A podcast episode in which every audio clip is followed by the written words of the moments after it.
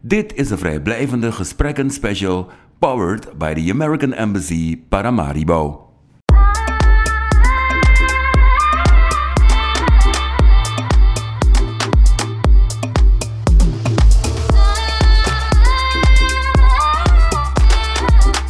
S AAA Talks, de podcast waarin we praten over de verschillende capaciteitsversterkings- en uitwisselingsprogramma's van de Amerikaanse ambassade Paramaribo. We babbelen met de Surinamers die hebben geparticipeerd in die programma's. Ze delen hun ervaringen en vertellen hoe ze de opgedane kennis hanteren in de praktijk. Welkom bij een nieuwe aflevering van SAAA Talks. Ben je ready, Vincent? Helemaal ready. En vandaag hebben we bezoek. Hi, ik ben uh, Kartika Durjan Ramoutar, docent biologie op de Aardekus op een van onze nieuwe faculteiten, FWNW. Dat staat voor Faculteit der Wis- en Natuurkundige Wetenschappen. En mevrouw Jordan. Um, in het kort, um, wie bent u? Wat doet u zoal? Ja, ik heb uh, biologie gestudeerd, maar daarnaast is onderwijs mijn passie. Ik ben ook mijn carrière begonnen in het onderwijs als leraar biologie. Daarna doorgestudeerd, um, steeds in het onderwijs geweest, ook gewerkt op het ministerie van Onderwijs zelf. Op het bureau voortgezet onderwijs, inspecteur onderwijs. En um, daarna uh, besloot de ADECUS om de eerste bachelor biologieopleiding op te zetten. En uh, ik ben in de gelegenheid geweest om dus daaraan mee te helpen. En ik ben dus nu op de FWNW. Heeft u altijd een passie gehad voor biologie? Um, ja, toch wel. Het begon eigenlijk op de middelbare school, hoor, moet ik zeggen. De eerste keer dat ik keek door een microscoop, ging een wereld voor me open. En toen was ik echt getriggerd om biologie te studeren. Ja.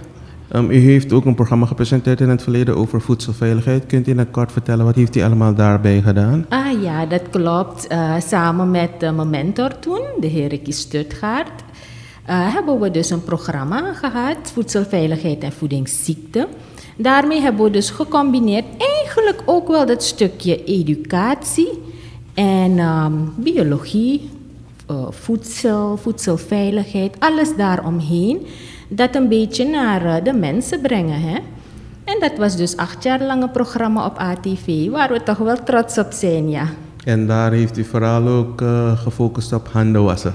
Dat is zo. Handen wassen, dat was ook een van de onderwerpen die regelmatig voorkwam. Uh, de heer Stutgat was daar. Dat was echt zijn baby, dat handenwassen project. En uh, hij heeft daar ook heel veel op gehamerd toen der tijd. En geprobeerd om die informatie te brengen naar uh, het volk. En met name de kinderen, vanaf de kinderen. En wat vindt u ervan nu dat eigenlijk een van de belangrijke zaken om COVID-19 te bestrijden toch wel handenwassen is? Ja, dan, dan kijk je toch en dan ben je er trots op van hé, hey, je was goed bezig al die tijd en dat zien de mensen ook. En daarnaast zie je dus jong geleerd is oud gedaan, toch? Dus het is goed dat we bij de kinderen al beginnen om ze te wijzen hoe ze goed handen moeten wassen. Uh, u bent hier, want we willen met u babbelen omtrent projecten die u heeft gedaan in het verleden. En een van de projecten is geweest met de Amerikaanse ambassade. Uh, om welk project ging het? Dat ging dus om een IVLP. Dat is dus een, um, een programma waarbij dus mensen gestuurd worden uh, voor een, een bepaalde training naar Amerika. En de training waar ik aan heb meegedaan, dat was Hidden No More, Advancing Women Leaders in STEM. STEM staat voor Science, Technology, Engineering en Math. Dat zijn dus zeg maar echt die beta-wetenschappen. En hoe ga je vrouwen empoweren om een carrière binnen de STEM te kiezen? Nou, ik was op FWNW, dat is bij uitstek toch de faculteit daarvoor. En um, er kwam dus zo'n zo um, ja, folder langs van mensen die geïnteresseerd konden zijn en die zich konden opgeven voor de selectie. Ik was gelijk geïnteresseerd, want STEM, educatie, women empowerment, dat zijn dingen die me echt aanspreken. En ik heb dus uh, alles ingevuld, opgestuurd en ik werd geselecteerd. Um, wat deed het met u toen dat u um, erachter kwam u was geselecteerd? Ik was er trots op. Ja, ik was er trots op. Ik was um, ook erg excited. Want het zou, ik ben wel eerder een keer naar Japan geweest voor een stemtraining. En dit keer zou ik het vanuit Amerika zien, maar de invalshoek van hun, dat vond ik erg interessant. Wat is dat? Empowering Women Leaders. En dan werd erbij gezegd, hidden no more. Toch, dat wil zeggen, uh, je moet niet meer verborgen zijn. Hidden no more. Niemand moet jou overschaduwen. Dat sprak me erg aan. Ja. Je had het over dat um, education ook uw passie is. Um, daar zou ik toch een beetje op willen gaan. U bent de educator en dat voel ik ook en dat is heel mooi. Um, wat heeft, uh, van waar die passie? Is het, is het um, kijk, heeft die andere role models gehad waar kijk van ik wil dit ook doen? Wel, kijk, de passie kwam, ik zei het al, met biologie. Ik wilde biologie studeren, maar in, in de tijd, dus toen ik op het VWO zat, kon je dus of naar de medische faculteit of naar de lerarenopleiding als je biologie wilde doen. Een andere keus had je bijna niet. Dus ik koos voor de lerarenopleiding en ben via daar dus biologie gaan studeren. Tegelijkertijd word je geshaped, toch, als educator. En um, de directeur toen de tijd, de heer Archibald Marchal, was toch wel een rolmodel voor me. Ja, hij heeft heel goed um, die empowerment gedaan, maar ook het stimuleren van vrouwen in het veld. Weet je? Nee, hij was toch een voorbeeldfiguur.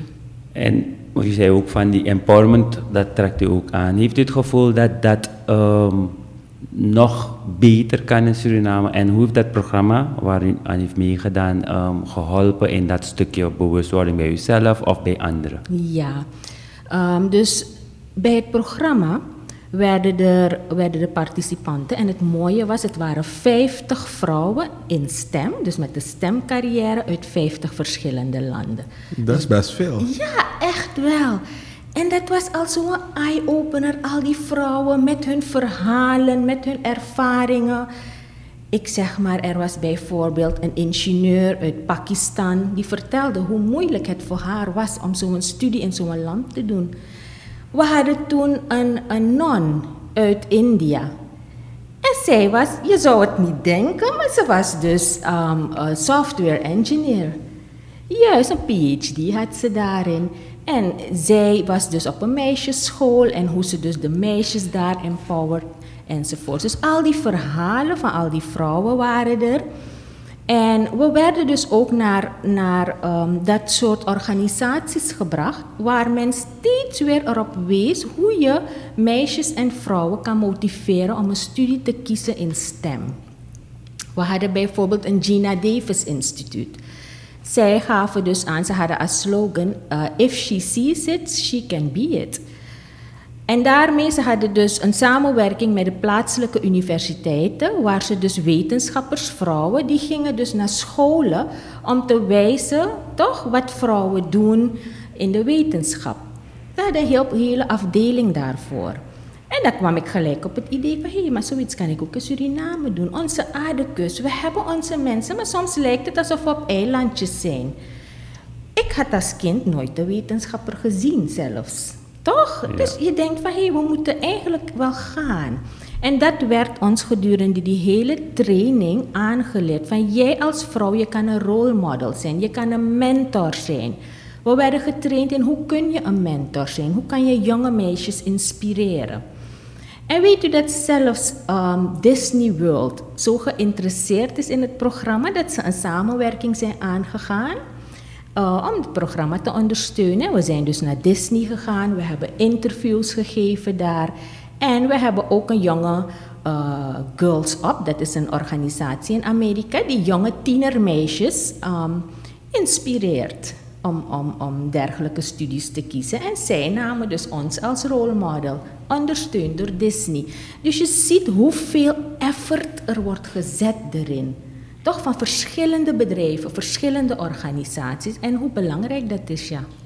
U raakte geïnspireerd en ik kwam terug naar Suriname. Wat heeft u gedaan? Nou, toen ik terugkwam in, in Suriname, en dat was dus november 2019, en ik had en ik heb nog steeds een aantal mooie ideeën. En een van ze is afgeleid van wat ik net zei. Hè. En ik dacht van, ik maak ervan, if they see it, they can be it. Waarmee ik dus met collega's van de Aardekus, wetenschappers, naar scholen ga om jongeren te motiveren om een wetenschappelijke studie te kiezen. Want bij ons is het niet alleen maar meisjes, maar ook jongens, toch? Die we moeten motiveren voor het hoger onderwijs. Maar u hoort het al, november 2019, gunst. Ja, we En wisten niet wat er allemaal zou komen. We wisten het absoluut niet. En bam, toen kwam COVID. We konden niet meer naar scholen gaan. Het, het, ja, u kent het verhaal van COVID, maar desalniettemin ehm, ben ik bijvoorbeeld in SAAA, die organisatie, en daarin hebben we al gebrainstormd over als de pandemie het toelaat, hoe kunnen we naar scholen in het binnenland gaan om ehm, stemgerelateerde onderzoekjes te doen.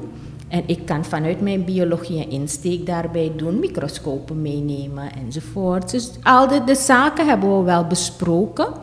Maar eh, het moment dat de omstandigheden iets anders zijn, dan gaan we dus naar het, naar het ministerie. En dan wil ik toch wel dat soort projecten doen. Een van de andere dingen die ik daar heb gezien is hoeveel geïnvesteerd wordt in robotics. En dat was toch wel een veld dat voor mij nog niet zo bekend was. En ik zag jonge kinderen robotten maken, competities enzovoort. En ik keek en ik dacht, hé, ik ken wel wat jongens die dit konden gebruiken. Dus toen ik hier terugkwam, ben ik dat gaan opzoeken. En er bleek dus hier inderdaad ook een robotics team te zijn. Ik heb dus eh, mijn zoon daarvoor opgegeven en ook een jongeman in de buurt. Uh, een jongen van de buurt, ja, die, die erg geïnteresseerd is van wie ik dat weet. En ze hebben dus meegedaan in een competitie. Weet je, robotics competitie is weer een andere wereld die voor je open gaat. En uh, van de 170 landen staat Suriname nu op nummer 15 en ze zijn nog door aan het tellen. Ja, dat is dus laatst gepubliceerd geworden in Dagblad. Dus dat zijn dan dingen, het is misschien wel op microniveau, maar je hebt toch wel kinderen kunnen inspireren en ik heb het dus echt wel vandaar gezien. We praten veel over um, het bedrijfsleven, overheid, dus die PPP. Ja. Ik um, denk dat, uh, je had het erover dat in het buitenland zoveel, of tenminste in Amerika, zoveel goede voorbeelden. Heeft u ook meegenomen hoe we hier het bedrijfsleven nog meer beter kunnen betrekken in, in het idee bijvoorbeeld om naar het binnenland te gaan of jongeren te interesseren in wetenschap? Want ik heb het idee dat in de, in de maatschappij wetenschap wordt gezien als iets waar je geen geld kan verdienen. Dus normaal make money. ja toch, het is alleen maar geld uitgeven. En um, bedrijven zijn waarschijnlijk, ook als je naar Suriname kijkt, heel veel op handel gestoeld. Wat voor ideeën of um, uh, andere voorbeelden heeft u gezien in, in die landen of tijdens uw, uw um, zijn daar? Ja, ja. Ik moet zeggen, uh, misschien is dat niet helemaal waar. Want nu ik me in de materie verdiep, zie ik toch wel dat er bedrijven zijn die dit soort organisaties ondersteunen. Deze uh, van de robotics bijvoorbeeld, die krijgt wel ondersteuning van het bedrijfsleven. Ik ken andere, Codettes. Die hebben we ja. in Suriname, die wordt door Tullow Oil ook ondersteund. Dus ik denk als je een goed goede plan hebt en naar zo'n bedrijf gaat, dat ze dat wel um, kunnen ondersteunen. Maar dan moet je ook wel ja, je projectmatige skills een beetje gaan, gaan aanscherpen. Toch? Hoe kan ik mijn project zodanig verkopen dat het bedrijf wil um, investeren? Ja. Ik heb het idee dat we zaken onderschatten, dat we bijvoorbeeld deze mogelijkheden onderschatten. Bent u het met me eens of zegt u van we beginnen toch wel in te zien dat er veel mogelijk is met STEM, met robotics? Ik denk dat het nu op gang komt. Als ik ook kijk, en daar ben ik zo verheugd over, het ministerie van Onderwijs wordt zich ook steeds meer bewust van STEM-educatie. Dus uh, ook zij hebben eerder projecten gedaan waarbij ze de lagere scholen hebben voorzien van een STEM-kit. En waarbij de scholen leren om niet alleen proefjes te doen, maar het gaat erom dat je gaat leren denken als een wetenschapper. Je moet iets op de kinderen observeren, wat ze vragen zichzelf iets af van wat als. Ze zetten een klein experimentje op. Toch, ze kijken naar data en ze zien van hé, maar mijn experiment heeft uitgewezen dat A en B. Dus ze trekken een conclusie. Het is dus niet gewoon een proefje dat wordt gedaan, maar het is het hele scientific thinking. En dat was dus ook echt die eye-opener voor me. Want soms denken we stem is alleen proefjes doen, maar dat is het niet. Ik heb dus echt gezien daar in Amerika dat ze vanaf de basisschool al beginnen met die scientific thinking.